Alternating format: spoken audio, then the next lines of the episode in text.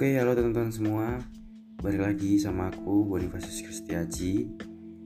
Uh, di sini kita akan kembali membahas mengenai multimedia. Kalau kemarin sempat aku singgung mengenai uh, multimedia di bidang jurnalisme, sekarang aku akan membahas ke prinsip-prinsip multimedia interaktif itu. Jadi yang pertama, multimedia itu apa sih? Kalau kita jabarin jadi dua kata kan multi dan media.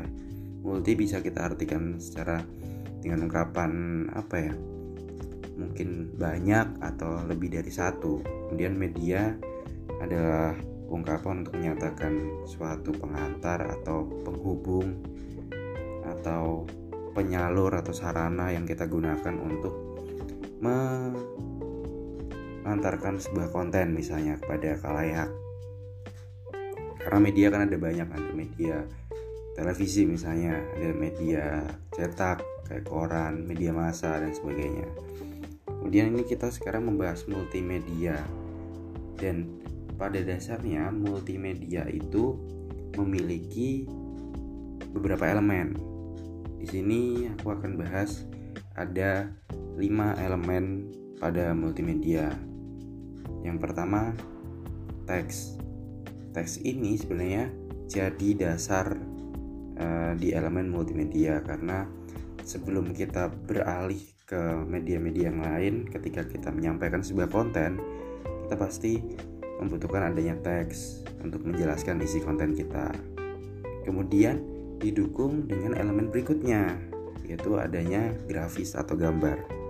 Grafis atau gambar di sini bisa kita jadikan untuk uh, sebagai pendukung dari teks kita sebelumnya. Jadi kita menulis sebuah teks yang berisi pikiran kita apa yang ingin kita curahkan dalam sebuah tulisan.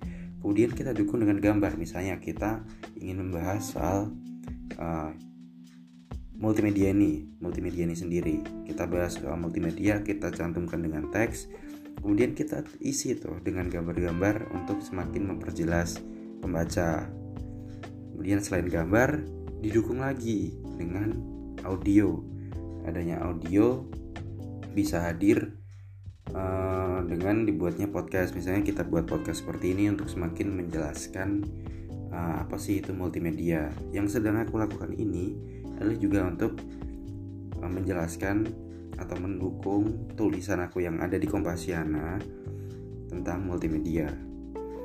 Kemudian adanya animasi. Animasi ini dibuat biasanya untuk uh, mempercantik konten kita atau agar tujuannya itu agar pembaca pendengar itu juga tidak bosan ketika uh, mendengarkan podcast kita atau membaca teks yang kita buat misalnya kita bisa masukkan gambar-gambar animasi entah gambar aja atau gambar animasi yang bisa bergerak gitu kan di entah di podcast atau di video kita nantinya atau di teks yang kita sudah buat tentang konten kita. Setelah animasi ada video. Di sini video itu merupakan penggabungan antara elemen gambar atau grafis atau animasi dengan suara. Jadi di dalam video ada gambar yang bergerak, kemudian bisa kita masukin dengan animasi-animasi sekreatif mungkin. Kemudian ada uh, suara. Jadi di dalam video kita bisa melihat gambar dan suara sekaligus bersamaan. Menurutku dengan adanya video ini bisa mem semakin memperjelas isi konten kita. Karena di situ terkadang banyak orang yang masih malas untuk membaca sebuah teks dan lebih memilih untuk menonton sebuah video. Atau mungkin alasannya selain malas adalah mereka lebih mudah memahami ketika mereka mendengarkan dan melihat langsung penjelasan dari sang pembuat konten.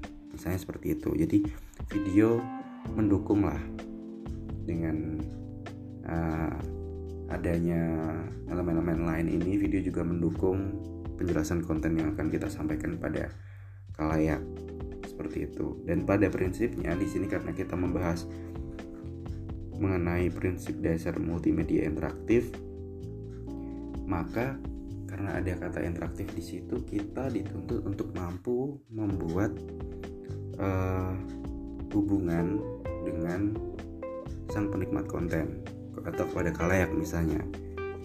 Jadi di situ ketika kita menyampaikan informasi feedback mereka adalah ketika mereka mampu memahami apa yang kita sampaikan. Jadi misalnya ketika kita balik ke belakang tentang pembahasan mengenai jurnalisme misalnya kita membuat sebuah berita atau misalnya saya uh, menunjuk salah satu misalnya kompas.com di kompas.com di zaman sekarang otomatis tidak hanya memberikan berita mengenai teks saja tapi mereka sekarang juga sudah memberikan gambar animasi kemudian bahkan video.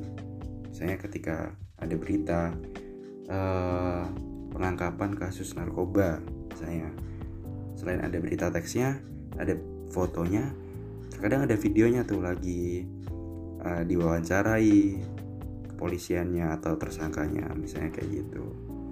Oke jadi itu teman-teman penjelasan aku mengenai multimedia kali ini. Semoga bermanfaat bagi kalian semua dan terima kasih yang sudah mendengarkan. Sampai jumpa